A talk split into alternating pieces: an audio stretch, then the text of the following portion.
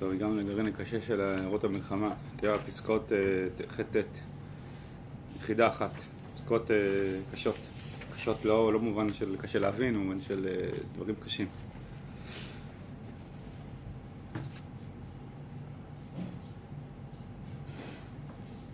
כן, נתחיל.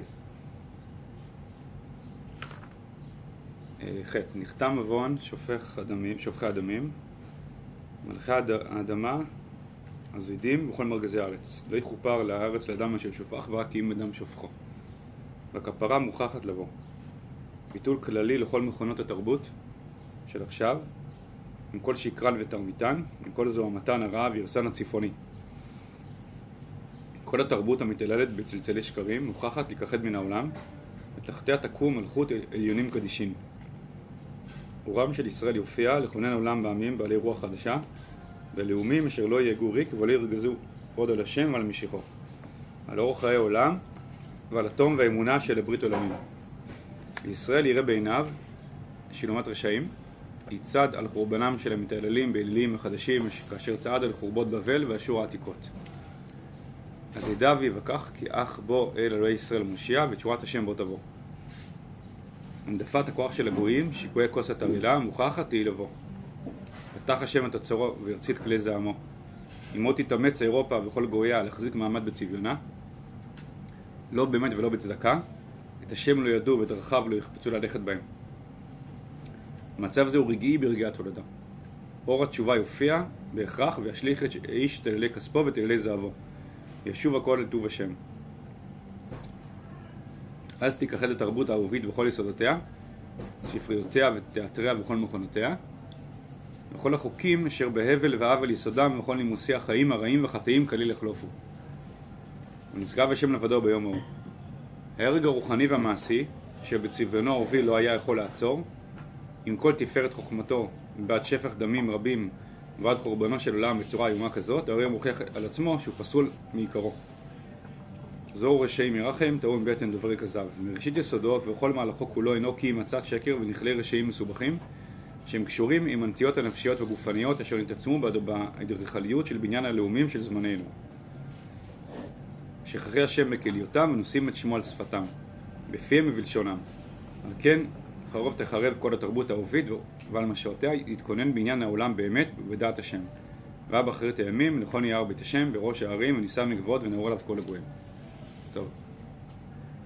אם הם מבינים את התקופה שזה נכתב, זה במלחמת העולם הראשונה, אז אפשר לקבל קצת אה, מושג על מה הרב מדבר. עכשיו, הדברים שהרב כותב פה הם דברים הם ייחודיים, ייחודיים ויוצא דופן ביחס למה שבדרך כלל אנחנו מכירים ממה שדברים שהרב כותב על התקופה, כי הרב, הוא, הוא לא כותב, תראה, הרב הוא, הוא חי את החילון של העולם המערבי ואירופה מינקות, הוא, הוא, הוא, כותב הוא כותב על זה, הוא כותב על זה ביפו, הוא כותב על זה עוד לפני שהוא עלה ליפו, והוא כותב על זה בצורה מורכבת. מורכבת הכוונה שהוא, אה, יש לו, הוא, הוא, הוא רואה שזה איזשהו שלב מעבר כזה, איזשהו שלב מעבר, והוא באופן בסיסי רואה שבעולם יש הרבה התקדמות. הוא מסתכל על העולם המודרני כ, כ, כעולם שיש פה הרבה התקדמות ביחס ל, ל, לעבר. ביחס להיסטוריה עתיקה, למאה הביניים. ופה הוא כותב אחרת. וצריך לדעת איך סנכרן את זה. פה הוא מסתכל על מלחמת העולם, והוא לא רק בא, הוא בא לומר, תראו, זה נורא ואיום מלחמת העולם. זה לא. הוא אומר, הוא מסתכל על מלחמת העולם, והוא אומר, זה סימן למשהו. זה סימן למשהו. עכשיו, סימן למה? הוא ממש משרשר את אירופה עם מלכויות קדם, כמו שנחרב בבל ואשור ויוון, אז גם, אז הנה, זה מלכות רומי שהולכת ונחרבת. והוא רואה, הוא כבר רואה פה משהו שזה גם סוג של חיזיון ייחודי, אני לא אגיד נבואה, אבל חיזה, כי, כי היו עוד שראו את זה. גם יש סופר יהודי אוסטרי בשם סטפן צוויג, שהוא היה מהמעללים הכי גדולים של תרבות אירופה בתחילת המאה ה-20 וזה הכל חרב עליו במלחמת העולם הוא גם מבין שזה סוג של אה, בשורה של כל חרב פה. זאת אומרת, כל התרבות, תבינו ש, שהאדם האירופאי, היהודי האירופאי, בתחילת המאה ה-20, היה בגן עדן עלי אדמות מבחינת התודעה שלו, של לאן עולם הגיע. ההתפתחות של ההשכלה והמדע וה, וה, וה, והחברה הייתה אופטימיות אדירה. זה שיא ההתפתחות של אירופה. ואנשים שנורא... עכשיו הרב כבר, ב, כבר לפני זה לא חשב דברים כאלה, שזה כאילו הנה זה הגאולה, אבל היו יהודים, יהודים, אפילו יהודים שומרי מצוות, שחיו באירופה, וככה הם חשבו, שבאמת חשבו שהנה ה... זה הגאולה. הגאולה הגיעה לעולם דרך אירופה. במיוחד יהודים שחיו באזורים האלה של אה, אוסטריה, גרמניה, לא יודע מי פה, מה, יש, לו, יש לו אה, שורשים באזור הזה, אבל כל מי שיודע שאת אה, החיכוכים שם באירופה בין היהודים, אז כולם יודעים שה... כן, האליטה אז יושבת שם בגרמניה ובווינה. אתה מבין, אתה מווינה, וואו, אתה מווינה. יש את אלה ממזרח אירופה ויש את אלה מווינה. מווינה, אתה אמרת, כאילו. וינה, מברלין, אתה בא. אז אה, התפיסה שזה כאילו, זה, הנה, זה גאולה לעולם. עכשיו, הרב לא, הוא לא שמה, אבל הוא מסתכל על העולם המודרני ורואה המון התפתחות, ועכשיו פתאום הוא מסתכל על, על מלחמת העולם, הוא אומר, תראו, זה משהו להגיע למצב כזה, זה אומר שכל מה שהיה לפני זה זה מגדל קלפים. זה זה מגדל קלפים, כל הסיפור הזה. עכשיו, איך זה מסתדר עם מה שהרב כותב במקומות אחרים? לפני, אבל לא רק לפני, גם אחרי. יש פה איזו סתירה מסוימת שהיא מאופיינת לרב, צריך לפתור. אבל הרב כבר פה מזהה איזשהו אה, פשיטת רגל של תרבות המערב, כהמשך לתרבו, בעצם למלכויות, ויש לנו נבואה שמלכות רביעית תחרב. אז הנה, הרב רואה את זה מול העיניים שלו.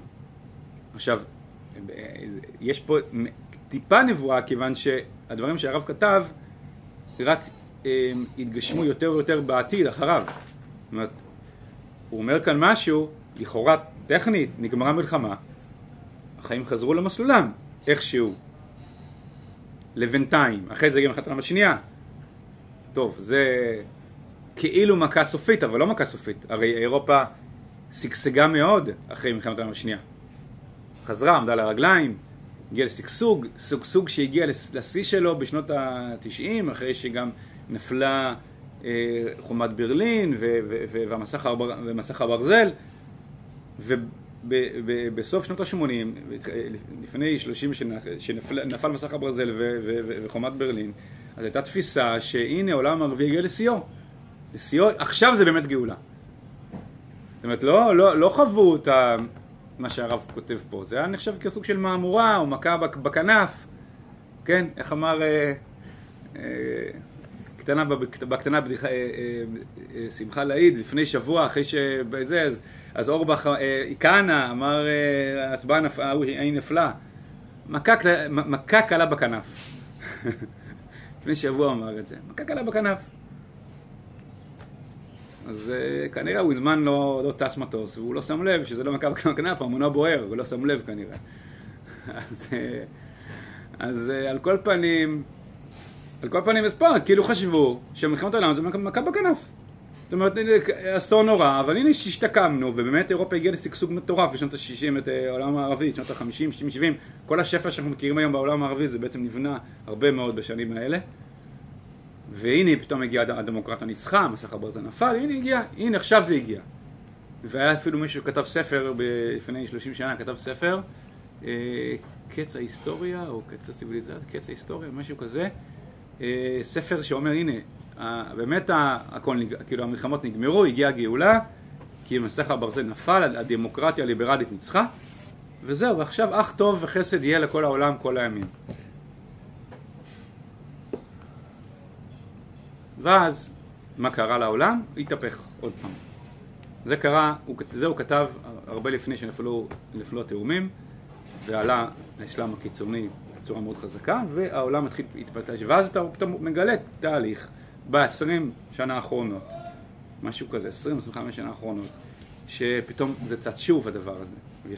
יצץ שוב ביתר שאת, כמו שהרב כותב פה. זאת אומרת, זה גלים כאלה. אבל הרב כבר שם רואה משהו, הוא רואה, הוא רואה משהו, רואה ש... אמ, רואה ש, שה, שההישגים שאירופה ייחסה לעצמה בהשכלה, באתיקה, בחברה, וכל מה שנותן לאדם תחושה שהנה זה, בעצם זה מגדל קלפים. ו, ואני חושב שהעידן הפוסט-מודרני מאשש את זה, מאשש את הקריסה של מגדל קלפים. שהוא כבר לא מאמין, העולם המערבי הוא כבר לא מאמין באמיתות שהביאו אותו לכל ההישגים שהוא הגיע אליהם בעידן המודרני. הוא לא מאמין בהם.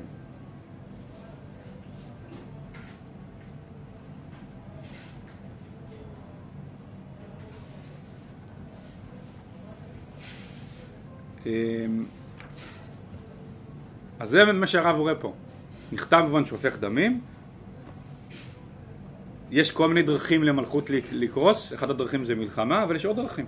גם זה יכול לקרות גם בדרך שלום, בעייפות, עייפות החומר, עייפות החברה, כן, אפשר לראות מה שקורה, אה, זה שהיום אירופה היא בעל ארבע על ישראל לקנות אנרגיה, זה גם קשור לזה. פשוט אתה, אתה מפסיק, מדינה שמפסיקה לייצר אנרגיה, זה מדינה שהיא לא חפצת חיים.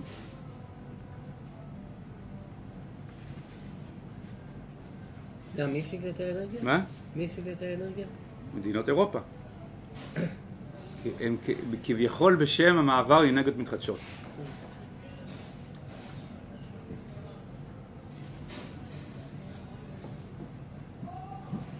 כשאתה חופר בפנים, אתה מגלה שזה לא היה רק טעות בשיקול הדעת.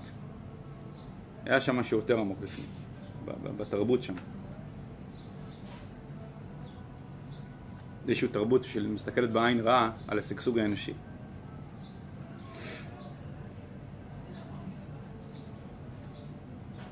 אז פה, אז עכשיו הרב, זה לא, עכשיו זה לא בא לבטל את מה שהרב כותב בכל המקומות על, על מתעלה, עולם מתקדם, עולם מתעלה. הרב מחזיק את שניהם בו זמנית. הוא מחזיק את שניהם בו זמנית, זאת אומרת, יש איזשהו מקום אמיתי ש... הפוטנציאל המוסרי, הרוחני, האנושי עלה, עלה מאוד, ויחד עם זאת יש פה קליפה מאוד קשה שמתפוררת בחוץ. שני הדברים קורים במקביל. הרב הוא לא, אה, כמו שלא יודע אם הזכרתי את זה כבר, אה, מלחמות העולם היו יכולים להיראות כמכה חזקה לתפיסה שאומרת שהעולם מתקדם והתעלה. תשמע, מלחמה, אה, עולם שקורה בו מלחמת העולם השנייה, מה התקדם בו? מה התקדם בו? הוא לא התקדם לשום מקום, רק הלך אחורה. אז הרב יגיד, כן, אבל זה לא... אבל יש פה שני דברים שקורים במקביל. שתי, קורים במקביל זה לא אומר שזה... שתי, קורים במקביל בעוצמה. יש פה קריסה, ובמקביל משהו אחר קורה, משהו אחר עולה. אז, אז, אז לכן אין סתירה בין להגיד שהעולם מתקדם מאוד לבין שה... לבין שה... איך הוא קורא לזה? המכונות של התרבות, כן? כל המבנים של התרבות המערב, המבנים החיצוניים שלו קורסים. השקר שבו בולט יותר, ותחת, מתחת לדבר הזה משהו אחר מתרקם. אז הרב בעצם רואה את שני התאריכים קורים במקביל. אז זה קצת עמדה מורכבת ביחס לאנשים שהם נגיד מאוד אופטימיים או מסתכלים בעין חיובית. אני חושב שגם בעולם התורני אפשר לראות את שני ההפכים האלה, אפשר לראות אנשים שבאופן בסיסי הם אה, מאוד מאוד אה, מאירים פנים כלפי העולם המערבי אבל וכולי, אפשר לראות אנשים שהם מסתכלים על זה באיזשהו אה, חושך גמור. והרב מסתכל על זה במבט כפול, בשני עיניים. הוא רואה את שני הדברים קורים במקביל והם לא בסתירה קורים במקביל כי לפעמים זה סדר העולם.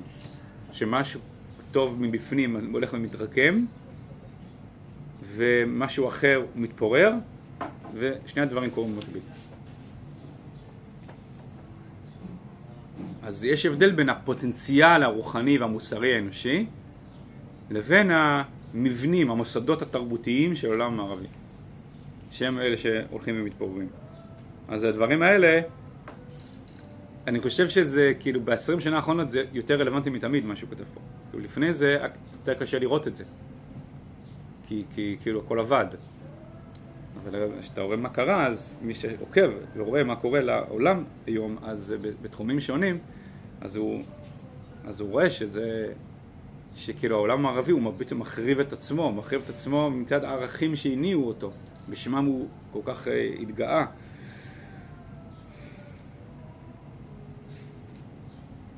אז והדברים שהרב כותב פה, אה, תחתיה תקום מלכות עליונים קדישין, הרב ממש רואה פה את הדיבורים של ספר דניאל, שהוא מדבר על מלכות רביעית שתיפול ותקרוס ויקום תחת זה מלכות אה, ישראל. לכן הרב הוא רואה בשלחי מלחמת העולם הראשונה, הוא כבר רואה לאן זה הולך, הוא אומר, זה הולך לכיוון של הצהרת בלפור, הולך לכיוון של שיבת ישראל לארצו, כי זה, אין מלכות נוגעת בחברתה, כלומר, אם עם ישראל חוזר לארצו וזה גאולה שלישית, אז מלכות רביעית נופלת. כן? צור וירושלים. אחד יבנה מהחורבן של השני.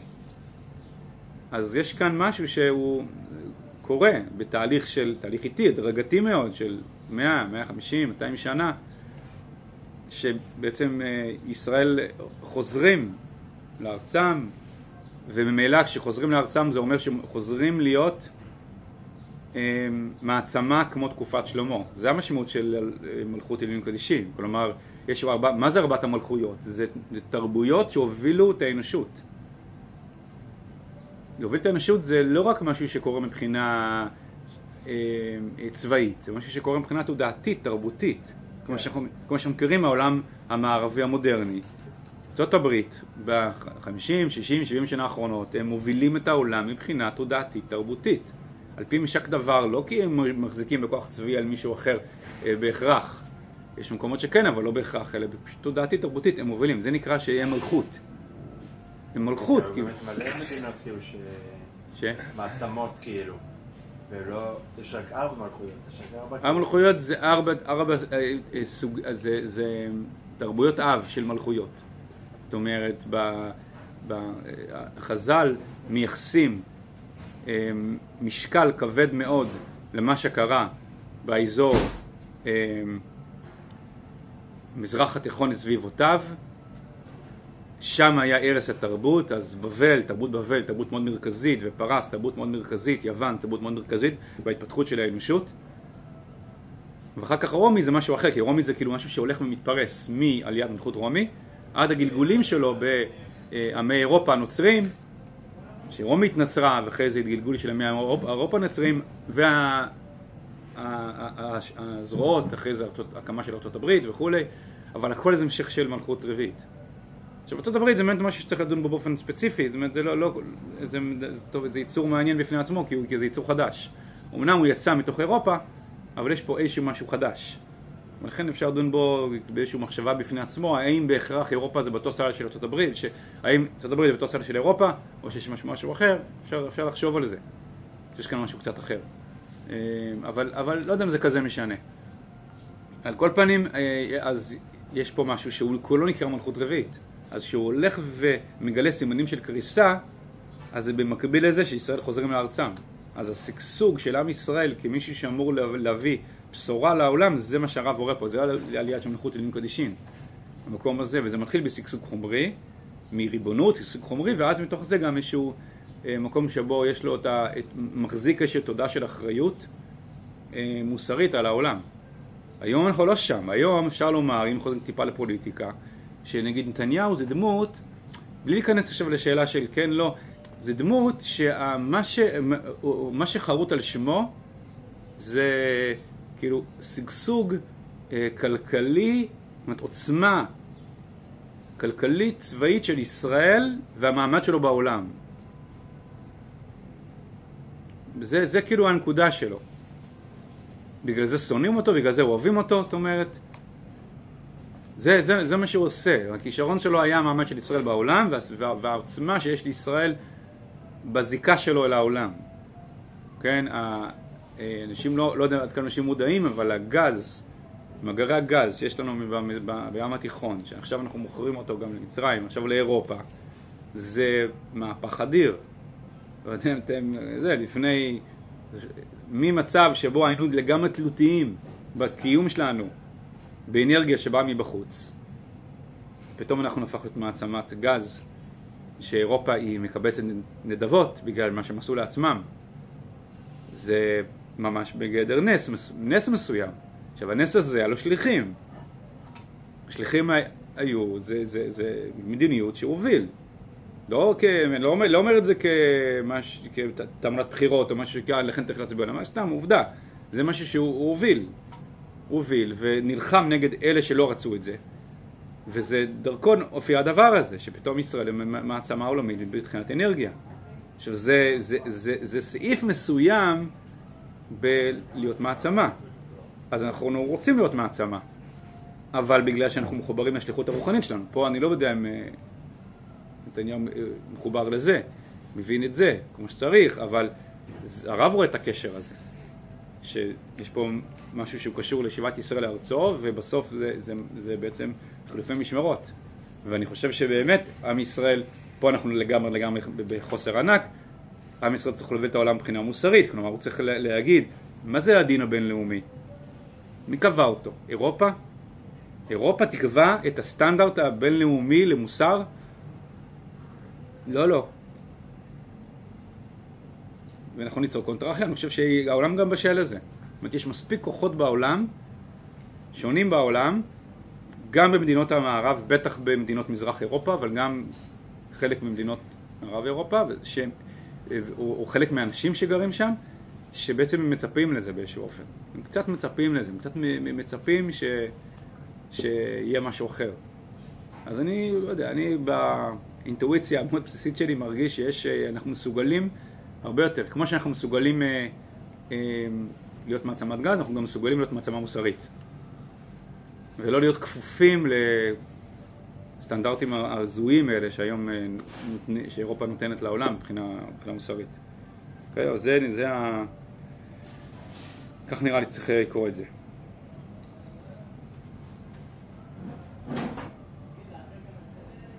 התכונן בניין העולם באמת ובדעת השם. ונהרו עליו כל הגויים. בסדר? זה מה שהרב רואה בזמן מלחמת העולם הראשונה.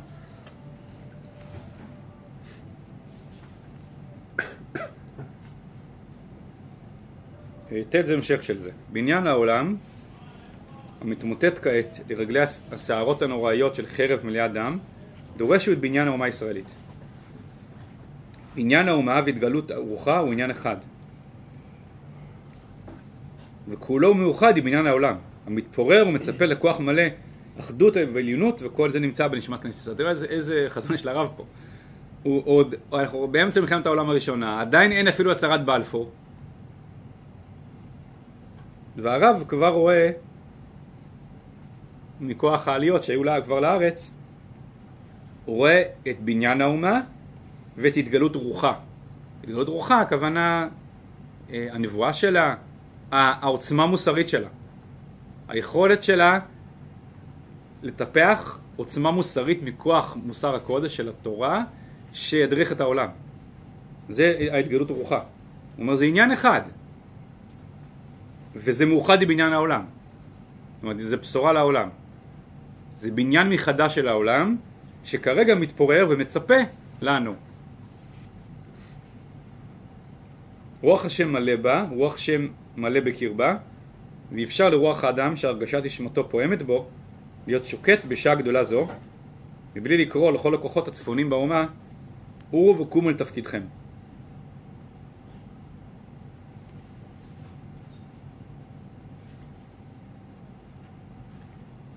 כל השם קורא בכוח ומתוכיות נשמתנו מתנועות החיים אנו מבחינים אותו. ישראל מוכרח לחשוף את מקור חייו, לעמוד חן אל רגלי אופיו הרוחני. הרב הוא לא רק מדבר פה על בניין, אה, הוא לא רק מסתכל על הצהרת בלפור, על, על בית לאומי, הוא מסתכל על המעמד הרוחני של עם ישראל, על האופי הרוחני שלו, על, על, על הסגולות הרוחניות שלו. הוא רואה את זה כאחד. אגב, אתם יודעים שבציונות, מי שקצת קרא, בתנועות הציוניות, היו המון ויכוחים סביב אה, איפה, איפה מרכז הכובד. והיו את התנועות הציוניות, אה, כמו של הרצל, שהיו מאוד מאוד הלכו לכיוון המדיני, היו כאלה שהלכו מאוד למקום, ה, אה, תקומת האיש העובד, איש האדמה עובד, כן, עדה גורדון, ועוד כאלה, הרבה יותר על המקום ההתיישבותי והמלאכה וכאילו וכולי, והיו כאלה שהלכו למקום התרבותי, כמו אחד העם. היה איזו התגוששות, והתגוששות מבטאת איזושהי הבנה שזה לא נמצא במקום אחד. כאילו, אחד העם, כמה שאנחנו, כאילו, אין, אין רחוק מזרח מערב הרב קוק מאחד העם, אבל זה, זה יושב על איזושהי הבנה שתקומת ישראל בארצו זה לא יכול להיות רק אירוע אה, חומרי, רק אירוע מדינתי, אירוע התיישבותי, אה, אה, זה צריך להיות אירוע רוחני. אבל, אבל, וזה אולי פה הנקודה של הרב, זה הכל אחד. אי אפשר לנתק. אי אפשר לנתק, כמו ש... קרה הרבה פעמים. זאת אומרת, אלה שעסקו בזה עסקו בזה, אלה שעסקו בזה עסקו בזה, ואלה עסקו במשהו רוחני. אצל הרב זה בכלל לא בא בסתירה, זה בא אחד מתוך השני. מי גדול אשר לא אלוהים קרובים אליו, ומה יודעת אופייה של אלוהיה. התרבות העולמית מתנודדת, רוח אדם נחלש, מחשכים מכסים את כל העמים, החושך יכסה ארץ ורפא לאומים.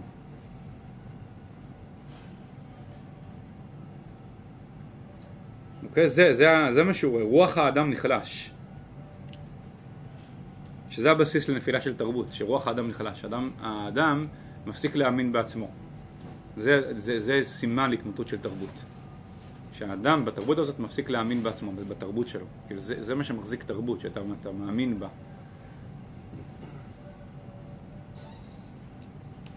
והשעה הגיע, אור עולם, אור עולים אמת, אור אלוהי ישראל המתגלה על ידי עמו, עם פלאים, צריך הוא להתגלות בהכרה. והכרה צריכה לבוא באומה פנימה, להכיר את האחדות של כוחותיה היא, להכיר את השם השוכן בה. ובהכירה כי יש אלוהים בקרבה, תכיר איך לחשוף את מבוע חייה, תדע להעמיד חזון עמדתה על מקורה עצמי. מקורה עצמי, ושוב, יש פה המון מה לברר במקור עצמי, אבל אני חושב שהבסיס של הבסיס של מקור עצמי זה זה שיהודים בארץ והחברה הישראלית תפסיק לחשוב שהיא כפופה לסטנדרטים רוחניים, מוסריים, שבאים עליה מבחוץ. אלא היא תתחיל להסתכל פנימה לתוך עצמה, לראות את עצמה כמי שאמורה לתת סטנדרטים. מתוך הרוח שלה. זה הבסיס.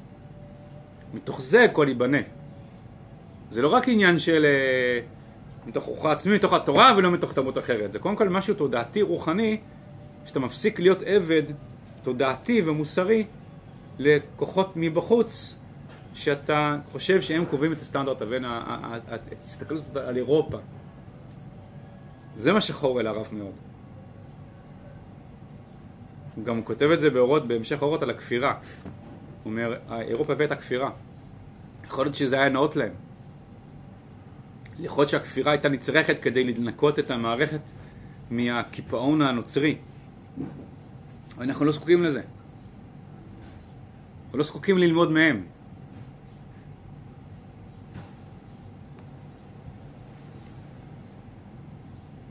לא לשאוב מבארות זרים מקורה כי אם לדלות ממעמקיה. תדלה רצון מעומק תפילתה, חיים מבאר תורתה, אומץ משורש אמונתה, סידור מיושר שכלה, גבורה מעוז רוחה, וכל העולה על שפרי שמיה, וכל מרוח אלוהים ממרחפת על מלוא היקום, מימי בראשית עד אחרית. כי אני איתכם מנאום השם צבאות, את הדבר שקראתי איתכם וצאתכם ממצרים, ורוחי עומד בתוככם, אל תיראו.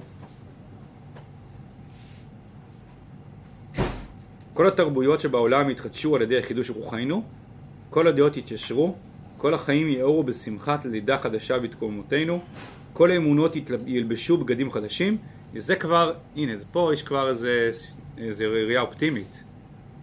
הכוונה, הוא, הוא צופה איזשהו בניין עולם מחדש. כן, הוא צופה איזשהו... אז זה לא ש... כן, בפסקה הקודמת, טוב, מלכות רביעית קורסת ועם ישראל קם. אבל עם ישראל קם, כמו שכתב בתחילת הפסקה, זה מאוחד עם בניין העולם. אז האוריינטציה של עין טובה על העולם, כל מקום שיש חברה ותרבות שחפיצת חיים. אז כל האמונות ילבשו בגדים חדשים, לא רק המדינות והעמים, גם האמונות. יסירו את הבגדים הצועים מעליהם, יתלבשו בלבושי הקר, יזניחו את כל פיגול, כל טמא וכל תיוב שבקרבו, והתאחדו לינוק מטללי רות קודש, ששוכנו מאז לכל גוי וכל אדם בבאר ישראל. נראה לי שאפשר לומר שהחזון הזה הוא בעצם אומר, אם נתרגם אותו הלכה למעשה, בהיבט, בהיבט של האמונות, אנחנו, אמ, זה לא שהנצרות תיכחד מהעולם, האסלאם ייכחד מהעולם כקום ישראל. זה לא, זה לא מה שהרב חותר. הרב חותר לזה שההקרנה של עם ישראל לעולם, הקרנה הזאת, היא תגרום לאמונות השונות בעולם לעבור תהליך של, של, של, של, של, של אה, תיקון, של התנקות, ואפשר לראות תהליכים שקרו בעולם הנוצרי שמנקים אותה לאט לאט מזרמים של אלילות ושנאת ישראל שהיו בה. אז הנצרות תשתנה לא על ידי שפשוט מיליון אנשים לא יהיו נוצרים, אלא שהזהות הנוצרית עצמה תלך ותשתנה. כנ"ל הזהות המוסלמית. היא עצמה תלך ותשתנה ותתנ... ותתנקה מהאלמנטים האליליים, השבטיים האליליים הברברים שהיו בה מקדמת דנא, שגם גרמו לזהות את האמונה עם משהו שהוא מלא קנאה ושנאה ושנאת ישראל. אז למרות שיש איזה אלמנט מאוד קשה באסלאם שלא מקבלים את קיומה של ישראל, זה יכול להשתנות. אז הרב הוא לא הוא רואה את עצמו כמי שהוא בא להילחם נגד האמונות, אלא בא, מי שבא להקרין משהו אחר שיעברו איזשהו תהליך. איזשהו אבל כן זה יכול להיגמר, לא? ובסוף הן אה, מושתתות על משהו לא נכון, על טעות יסודית.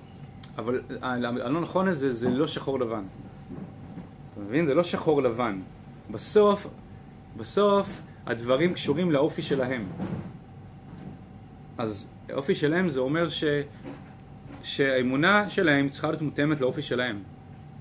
אז כשה, כשהחברה האנושית היא תלך ותתקן את עצמה, אז ממילא גם האמונות שלהם ילכו ויתקנו בהתאם. אבל זה לא שחור לבן, טוב, זורקים את זה ועכשיו... אני לא חושב שהתנועה שנקרא שהעולם יהיו בני נוח, זה אומר שיזרקו את כל האמונות, לא יהיו אינדואיסטים, לא יהיו בדואיסטים, לא יהיו נוצרים, לא יהיה זה, לא יהיה... לא, זה פשוט ה... התנועות האלה ילכו ויעברו שינויים הדרגתיים איטיים, בהתאם, תסתכל על זה בצורה טבעית. בצורה טבעית הכוונה, באותה מידה שהחברה האנושית תלך ותעבור תהליכים של, של תיקון, של התעלות, באמת, ממילא זה יקרין אל האמונות האלה, והם ילכו ויעברו תיקונים לאט לאט בצורה עדינה. הנצרות היא, היא, היא חשבה שהיא תתקן את העולם, שהיא תלך ממקום למקום, תעשה מסעות צלב. עם ישראל אף פעם לא היה ככה. אף פעם לא חשב שהוא ככה יעשה משהו בעולם, שהוא יבוא ויעשה איזה מסע צלב, איזה מסע אמונה ויחריב איזה תרבות. אבל לא. אלא הוא יחיה את עצמו, וזה יקרין החוצה, ובצורה טבעית דברים ישתנו. טבעי הכוונה, מתוך שבני אדם משתנים, אז גם אמונות משתנות.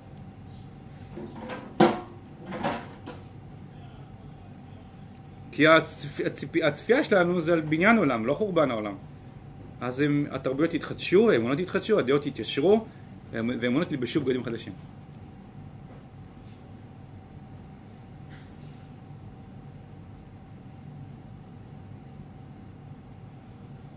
אז זה, זה דברים פה שכתובים ככה, ב, ככה במשפט, בשנייה של כתיבה, אבל זה תהליכים של מאות שנים, כאילו זה...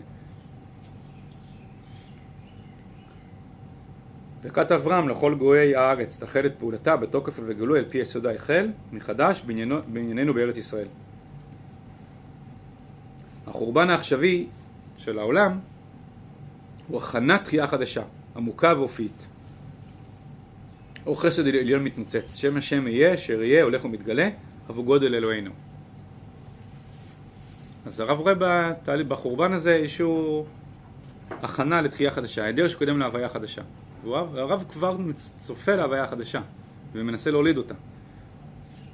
עכשיו אולי הערה מאוד, מאוד חשובה פה, יש אה, בעולם היום אה, תנועה שהיא לא חדשה, היא בת מאה שנה, היא די מקבילה, זה די מקביל לחיים של הרב, זאת אומרת הרב אה, עם עיקר פעולתו זה בחצי הראשון של המאה העשרים, אז יש תנועה מקבילה, תנועה מרקסיסטית, זה, זה פלא הדבר הזה, שממש הייתה להם סוג של, אתה מבין, יש לפעמים דבר כזה, שיש uh, הד או צל של תנועה רוחנית, ואתה שומע את זה בצורה uh, משונה, מעוותת. הרב מדבר על זה שהתרבות המערבית הולכת ומתפוררת, ותחתיה, וזה הכנה לתחייה חדשה של, ה, של העולם, של התרבויות, של העמים, של המדינות, והוא רואה את המקום של ישראל בדבר הזה. במקביל שהרב כותב את הדברים האלה, מתפתחת בעולם תנועה שהיום היא חזקה מאוד מאוד, אבל זה התחיל לפני מאה שנה, תנועה מרקסיסטית. שמה שהתנועה הזאת אמרה, עם כל הגלגולים השונים שלה, היא שהתרבות האנושית רקובה וצריך להשמיד אותה ולבנות גן עדן אוטופי. הדיבור הזה יכול להישמע דומה למה שהרב כותב פה. כן, אתה איתי? אבל זה ממש לא. זה ממש לא. קודם כל זה לא במחשבה פנימית, כי יש פה עין טובה, והעין טובה הזאת היא מתגלה הלכה למעשה בזה שהרב הוא, אין לו שום עניין לייצר יוזמה של להחריב משהו. הרב מסתכל מהצד על תהליכים שקורים, והדחיפה שלו זה ללידה, לא להשחתה, לא להרס משהו. אפילו דברים שיש לו עליהם ביקורת קשה. כי מי, ש... מי שיש לו עין טובה על החיים, לא יכול להגיד יש לי עין טובה על החיים, ולכן אני הורס אותם עד היסוד כי יש לי תוכנית חדשה. זה לא הסתכלות, אה, אפילו רשב"י, שיצא מהמערה ומסתכל, תחזור למערה, ככה תחזור למערה. אפילו שאני בטוח שאיפה שהוא מסתכל, הביקורת שלו הייתה הכי אמיתית בעולם. אבל אם התוצאה של הביקורת שלך, שזה נס... המקום נשרף, מה זה נשרף? כאילו אי אפשר לעמוד בזה? אז אין לך מה לעשות פה, תחזור למערה. אם בסוף הביקורת שלך היא אמיתית מאוד, אבל היא לא בונה, אז תחזור למערה. כי זה עולם של הקדוש ברוך הוא, זה עולם שהוא טוב, יש פה עין טובה לעולם, אז הביקורת צריכה לבנות משהו, לא להחריב, אז אין טעם להגיד... אז הרב, לכן הרב הוא לא, כל הביקורת שלו זה בשביל להוליד משהו, והוא לא מנסה כאילו ל... עכשיו הוא רואה תופעה, עכשיו החורבן קורה, הוא מסתכל על זה מהצד, ואז הוא טוב, זה מה שקורה בעולם. אז אנחנו צריכים לדחוף, להוליד משהו עכשיו. אז במובן הזה הוא מהפכן, הוא מהפכן, לא מהפכן מרקסיסטי שאומר בוא נהרוס, אלא הוא רואה מציאות שקורית מול העיניים שלו והוא מבין שעכשיו צריך לידה חדשה, אז הוא מהפכן בכוונה מולי, הוא לא מהפכן, הוא מוליד. הוא מוליד מציאות. הוא דוחף להוליד מציאות. שהוא מרגיש את החוסר הגדול שלה.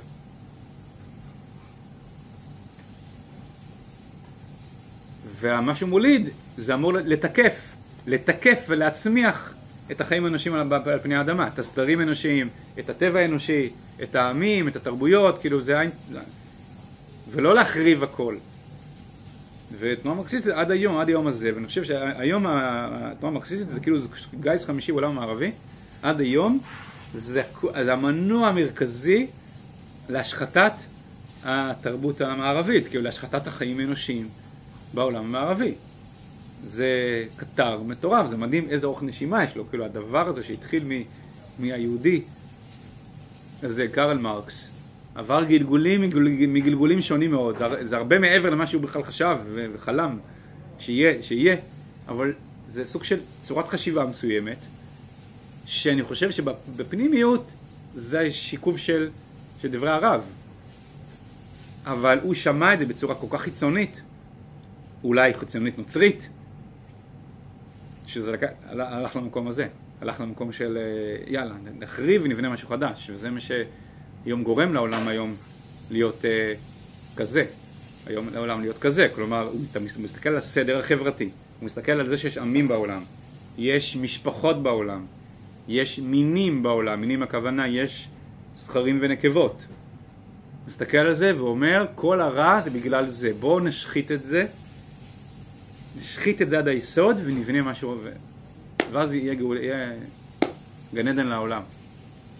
זה כאילו, זה סוג של קליפה של הקליפה של הקליפה של הקליפה של מה שהרב אה, מדבר פה. בסדר? אתם איתי? מבינים מה אני...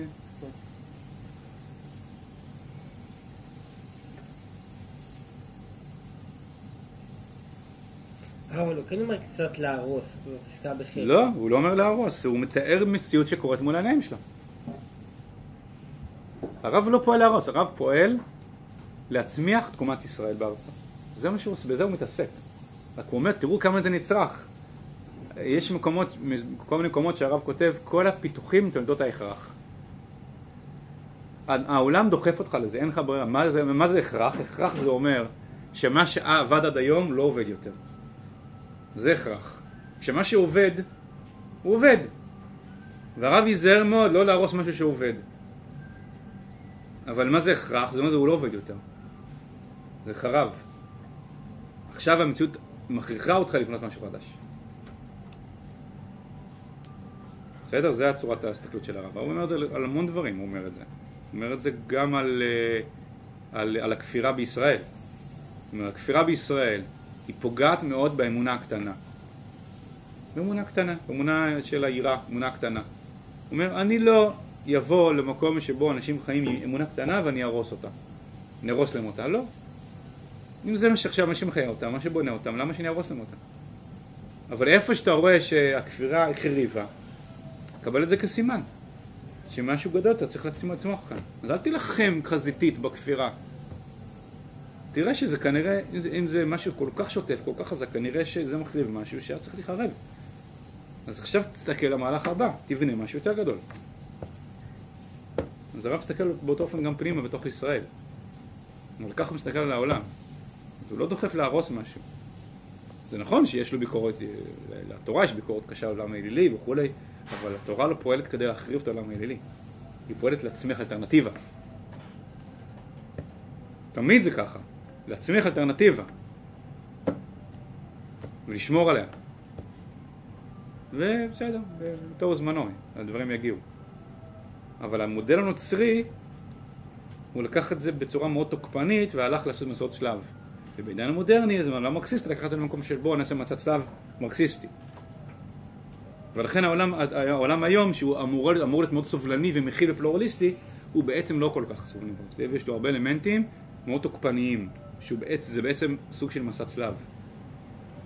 שאומר לא, אני עכשיו יש לי איזה, איזה, כן, זה קצת פרדוקס כזה, יש לי איזו ראייה של מאוד, אה, כן, מכילה בצורה אינסופית, ואני אכיל אותה בצורה מאוד תוקפנית וכפייתית. בסדר, אבל זה משהו... בסדר, זה שונה מאוד ממה שאנחנו...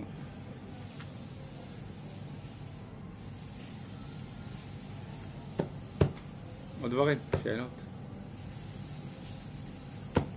איך אנחנו מסתכלים על, אה, על התנועה, לא יודע, הפרוגרסיבית? זה זה? זה, זה, זה מופע של מרקסיזם. אנחנו לא מתנגדים אבל לשום תנועה של אה, פירוק. מה? אנחנו לא נתנגד לתנועות של פירוק בעולם? אני מתנגד, מה זה לא מתנגד? לא הבנתי. התנועה של הרב שהיא כאילו, הוא לא יחריב דברים, אבל אה, כאילו ייתן להם לקרות. ויכול להיות שלפעמים התנועה שמחריבה היא גם מחריבה עוד המון דברים שצריך להילחם עליהם. כל דבר טוב צריך להילחם עליו, אבל צריך להוליד מציאות חדשה. אתה מבין? זה דין. התנועה המרקסיסטית היא, היא, היא, פועלת להחריב, זה, זה המשך ההתמוטטות הפנימית. אז זה הדין, זאת אומרת, אנחנו צריכים להילחם על הטוב. אז להילחם על הטוב, אבל הרב אומר, צריך לחבר את זה, ליס... אל תנסה להחזיק את הישן, כוח. אל תנסה, בוא, בוא, בוא ננסה להחזיק את הישן, אתה מבין? כאילו בוא, בוא נהיה שמרנים. בוא, בוא נלחם על הטוב, במובן הזה אנחנו כאילו כמו השמרנים, אנחנו נלחמים על הטוב, ואנחנו בעצם מולידים מציאות חדשה, אנחנו מנסים להוליד מציאות חדשה, ולכן יכול, הרי לא חוזרים אחורה בסוף. מה שנחרב, גם אם הוא יקום מחדש, גם הוא יקום, הוא יקום מחדש בצורה אחרת. לכן הרב הוא, גם הדברים האלה, שהרב... אה, אה,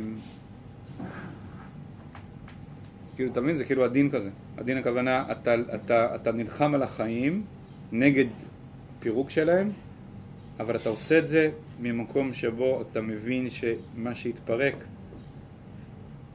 כנראה שדינו להתפרק. ולכן אם הוא צריך להיות, אז הוא ייוולד מחדש ממקום אחר. אז הוא יילחם על זה ממקום אחר.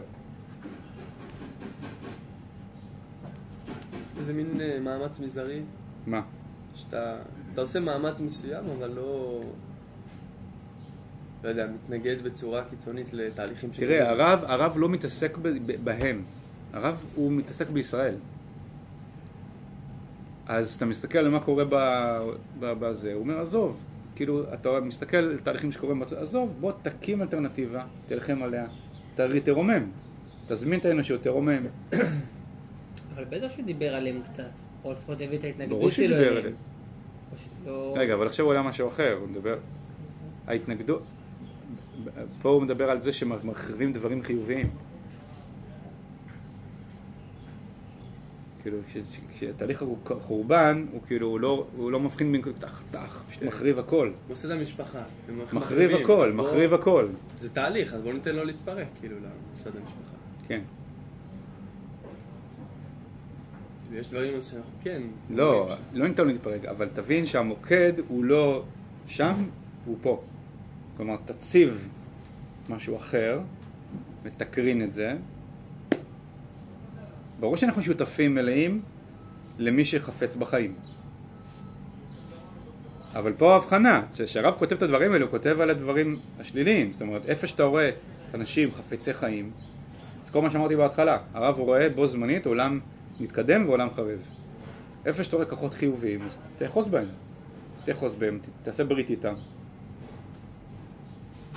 כדי להצמיח חיים. אבל תראה את עצמך כ... כיהודי, כמי שבא להוביל פה משהו חדש, שיכול להיות שהעולם הערבי הוא כבר לא יכול לעמוד בכוחות עצמו על רגליו. ולכן אל תאחוז בו.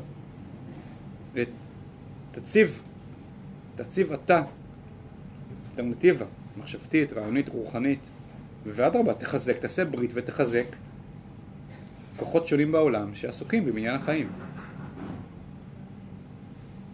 ובמה זה שונה משמרנות, ששמרנות היא רק משמרת ולא בונה? תראה, שמרנות זו מילה שיש לה כל כך הרבה משמעויות, כן. אז קשה שמרנות למה הכוונה. שאתה התכוונת. שמרנות, אני התכוונתי להגיד שאנחנו לא אומרים, אה, אה, תראה, אה, העולם הערבי הוא הצמיח המון דברים טובים, בוא נחזור לזה. אתה מבין? העולם המערבי, מיוון, יש איזה קורס לפני כמה מספר שנים שהיה באוניברסיטת תל אביב, בידי פרופסור ככה. מהדור הקודם, ככה מזקני החבורה של הדור הקודם, ברח לי השם שלו, אה, שהקורס היה אה, מבוא לתרבות המערב, והמטרה של הקורס הייתה, המטרה של הקורס הייתה לקרב מאסף של תרבות המערב. כי אתם יודעים, הפרופסור הזה ברח לשם שלו, הוא לא פרופסור מוכר היום, אבל יובל נוח הררי מוכר מאוד. יובל נוח הררי אומר, אנחנו לא בני תרבות המערב, אנחנו שייכים למשפחת הקופים. והוא אומר, לא, אנחנו כמלנים קרב מאסף על תרבות המערב, ואנחנו רוצים להיות בני תרבות המערב. אז אני אומר, עזוב. עזוב את בני תרבות המערב, עזוב את זה. נכון, בתרבות המערב יש משהו שרוצה לשמור על השגשוג האנושי, להאמין בשגשוג האנושי, יפה. אבל עכשיו זה התעטף כל כך בקליפות שזה הגיע למקום שבו זה נחרב. והאנושות המערבית, חלקה מעולם, מהעולם הערבי, הוא כבר מתפרק מהזהות האנושית הייחודית שלו. והוא רואה את עצמו כאילו זו תנועה אנטי-הומנית. היום התנועה המערבית נמצאת בתנועה אנטי-הומנית. הוא הופך להיות סוגד, ל... סוגד לטבע. הוא רואה את הטבע כמעליו. אז הוא מבטל את עצמו לטבע, את החיים שלו. התנועה אנטי-הומנית. אני אומר, עזוב, אל תנסה להחזיר אותו ליוון, להחזיר אותו ל... כן, להוגים של המודרנה, עזוב, עזוב. זה כנראה צריך להתפרק. יש משהו, משהו חדש שצריך לצמוח כאן, שיחזיר לאדם את כבודו. אל תנסה להחזיר לאדם את כבודו עם אפלטון ואריסטו. בסדר, זה... במובן הזה אנחנו לא שמרנים.